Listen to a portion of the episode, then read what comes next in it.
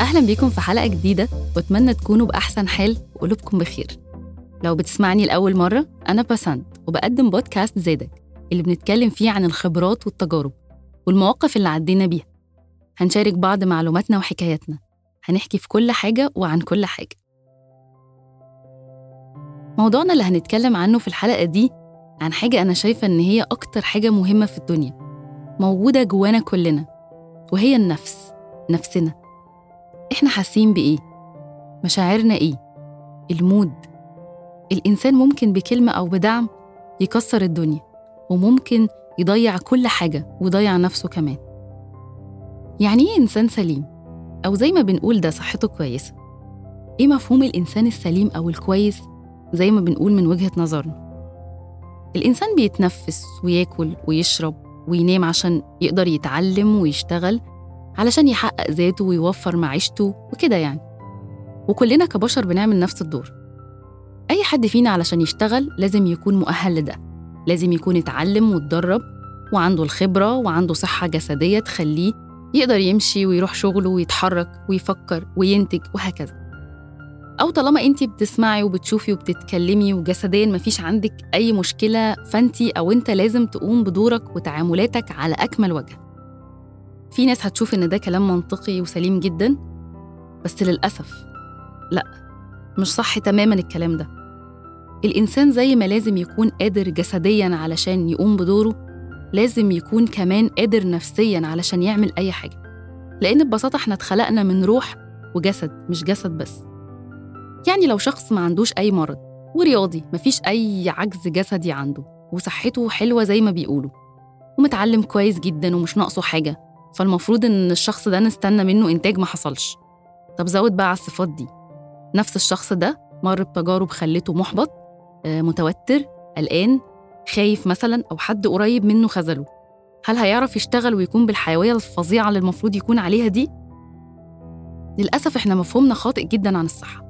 مش معنى إنك ما عندكش أي مرض أو عجز إنك في أحسن صحة.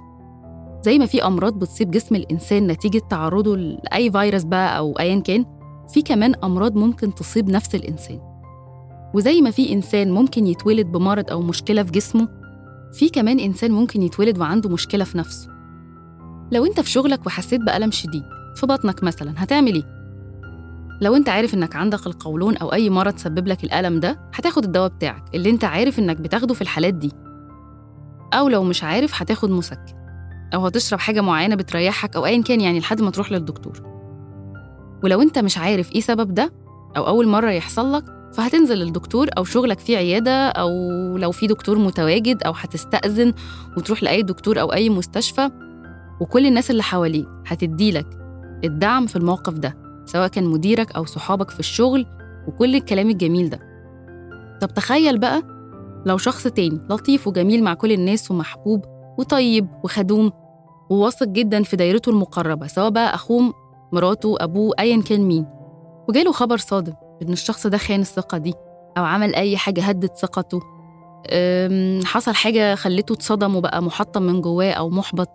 في كده معايير كتير اتهزت جواه. بس هو سليم جسمانيا يعني ما عندوش أي وجع جسماني. الشخص ده بقى المفروض يروح شغله عادي جدا يشتغل بكل حماس يفصل بقى ويرمي ورا ظهره ويتعامل مع الناس عادي جدا. ولو بيشتغل بقى كاستمر سيرفيس مثلا. عادي المفروض الضحكة ما تفرقوش يضحك في وش الناس ويفصل. يا راجل طالما صحتك كويسة فكك كله رايح. لا ثواني ما دي برضه صحته. هو ممكن بسبب كده يبقى مش قادر يركز أو حاسس إنه مجهد بسبب الإحساس ده. ويا سلام بقى لو لسه متبقي جواه حبة عشم صغيرين وحد شافه وسأله مالك واتكلم وفضفض. يوم بقى اللي قدامه يرد رد من الردود السخيفة اللي أكيد اتقالت لنا كلنا دي. زي إيه ده عادي الناس كلها كده؟ ولا معلش بقى معلش دي كلمة بحس إن هي سكينة بترد في قلبي لما حد بيقولها. لما تقعد تحكي معاناة كبيرة جدا وتلاقي بعد كده حد يرد عليك يقولك معلش. وطبعا بقى غير نظرات إيه الدلع ده؟ يا عم هو في كارثة حصلت؟ طالما أنت صحتك كويسة وبخير طز في أي حاجة. لأ هنقول تاني ما هي دي صحته برضو على فكرة. الإنسان فيه علاقة مركبة بين نفسه وجسمه. فلو في مشكلة في جزء أكيد هتأثر على الجزء التاني. أي إنسان ممكن يتعرض لاضطرابات في صحته النفسية عادي جدا. ممكن تحصل له مرة واحدة ويخف منها وتمشي ما تجيش تاني وممكن تستمر معاه فترة وممكن يحتاج لعلاج. زي أي مرض ممكن يصيب الإنسان. يعني دور البرد العادي جدا ده. ممكن يجي كام يوم ويمشي بالأدوية. وفي ناس مش بتحتاج أدوية أصلا وبتخف بسرعة. ممكن يبقى زي الضغط أو السكر أو أي مرض عند ناس كتير مزمن وملوش علاج بس بتتعايش معاه. فالنفس كمان بتمرض زيها زي الجسم بالظبط.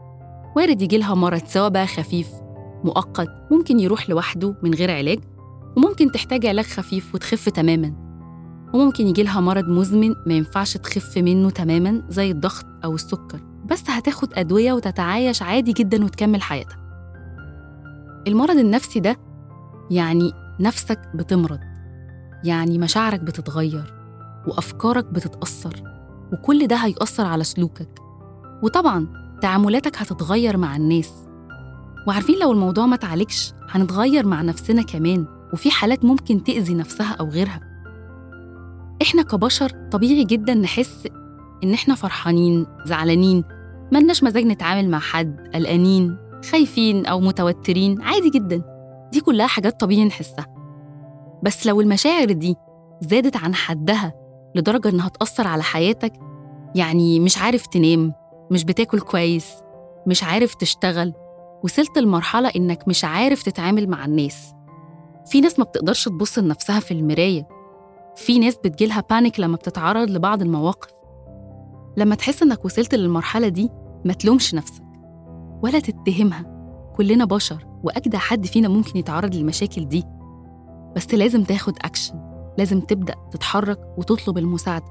لأنك أكيد في المرحلة دي محتاج دعم ومساندة من حد يكون دارس فاهم ويدرك طبيعة حالتك. هيقدر يقدم لك العلاج المناسب ليك.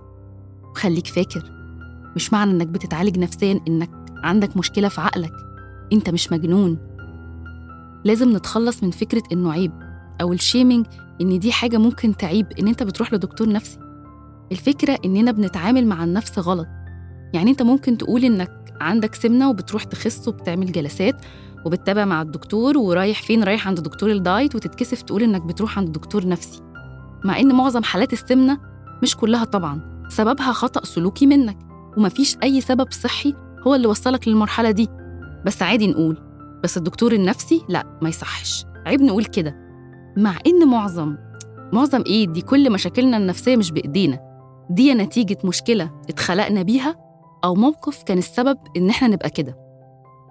بس لو أنت شخص بتعتبر إن دي حاجة شخصية مش عايز تقولها لحد طبعا أنت حر. المهم بس ما تكونش شايف إنه عيب طب هل المشكلة فينا ولا في اللي حوالينا؟ في أمهات بتبقى شايفة إن الاكتئاب ده دلع ولما تسمع إن ابنها أو بنتها عنده اكتئاب بيبقى عندها استنكار تام. يعني اللي هو إيه الهبل ده؟ اكتئاب إيه؟ اكتئاب ليه يعني؟ ما هو بياكل كويس وبنجيب له كل حاجة وبنخرجه وعنده كل اللي محتاجه يكتئب ليه؟ لا لا لا ده دلع أوفر لا هو على فكرة مش علشان بنوفر له الأكل وعنده سرير ينام عليه وبندفع له فلوس يتعلم إن هو مش من حقه يكتئب أو يحس الإحساس ده هو وارد جدا يكون في حاجة مضايقاه ومش قادر يعبر عنها أو يكون اتعرض لموقف حتى ولو صغير لو جالك ابنك أو بنتك من المدرسة وجري عليكي علشان انت مصدر أمانه يفضفض أو يحكي واتريقتي عليه أو قللتي من الإحساس ده ممكن يكون ده خلاه يفقد الثقة بنفسه وشايف نفسه قليل. ممكن يبدأ يحس إنه مفيش حد بيحبه. في احتياجات معنوية ليه هو ممكن يكون محتاجها. ممكن يكون قرب من حد خذله أو أي حاجة تانية نفسه محتاجاها. ممكن يكون اتربى على قيم زي الطيبة مثلا. وحد تاني اتربى بشكل مختلف تماما. فشايف إن الطيبة دي هبل وإن كل تصرف طيب بيعمله بيتقابل بسخافة على إنه إيه ده ده هبل ده ده كمان. فالحاجات دي كلها ممكن تقلل ثقته بنفسه. فلازم نسمعه بجد. فبلاش نستهون بالمشاعر دي ونقلل منها لأن النفس التعبانة ممكن تأثر على سلامة جسمك كمان. يعني ممكن تشتكي من أعراض جسدية وتروح تكشف وتلاقي نفسك إن أنت سليم جدا وما عندكش أي مرض. البنات مثلا في بنات كتير هتلاقي إن شعرها بيقع مع إنهم بياكلوا كويس جدا وبياخدوا الفيتامينز بتاعت الشعر ولما بيعملوا تحاليل بتطلع كويسة جدا وبيعملوا كل حاجة وشعرهم برضه بيفضل يقع. وفي ناس أنا أعرفهم شخصيا لما اتظبطت نفسيتهم شعرهم اتظبط. ده في ناس شكلها بيعجز من الهم وهم صغيرين جدا وفي العكس في أمثلة كتير وفي كلام كتير قوي وهنتكلم كتير عن ده. بس أنا نفسي أقول لكم إن نفسكم دي مسؤوليتكم. ومش بس نفسكم الناس اللي عايشة معاكم أو اللي قريبين منكم برضو نفسيتهم مسؤوليتكم. لأن لو كل واحد خد باله من نفسه والناس القريبين منه هنبقى مجتمع عنده صحة نفسية. هنعرف نتعامل مع بعض ونعرف نشتغل وننتج ونعيش عيشة جميلة جدا وناجحة. لينا دور وواجب على نفسنا والناس اللي مسؤولين مننا. أي مشكلة أو شعور زاد لازم استشارة دكتور دكتور مش خبير علاقات ولا حد مشهور ولا واحد بيحب يقرأ. العلاج بيكون عن طريق دكتور. بيشخص وممكن تتابع معاه. وأوقات الدكتور بيشخص وممكن تتابع مع أخصائي نفسي. والدكتور كل فترة بيتابع الحالة وصلت لفين. وبعد كده بيقرر تكمل مع الأخصائي النفسي تاني ولا محتاج إيه. وعلاجك بيكتبه الدكتور. وغير مصرح تماما لأي حد غير الدكتور يكتب لك العلاج. وقصة بقى إن العلاج النفسي ده بهدلة ولا الكلام ده مش حقيقي طبعا؟ أوقات في ناس مش بتحتاج أدوية أصلا وبتحتاج بس علاج سلوكي يعني جلسات. ما تسيبوش نفسكم كده. عمر التعب النفسي لا كان قلة دين ولا جنون ولا وصمة عار ولا مادة للتنمر يا جماعة. نفسي أي منظومة أو أي شركة زي ما بتوفر دكتور للصحة الجسدية يكون موجود طول الوقت لازم يكون في دكتور مسؤول كمان عن الصحة النفسية. وآخر حاجة عايزة أقولها لكم حبوا نفسكم قوي علشان تعرفوا تحبوا غيركم. ساندوا وادعموا واسمعوا اللي بتحبوهم وكونوا الزاد في الرحلة. لسه كلامنا مخلص وأتمنى لكم السلام النفسي وراحة البال لحد ما نتقابل في الحلقة الجاية. أشوفكم على خير.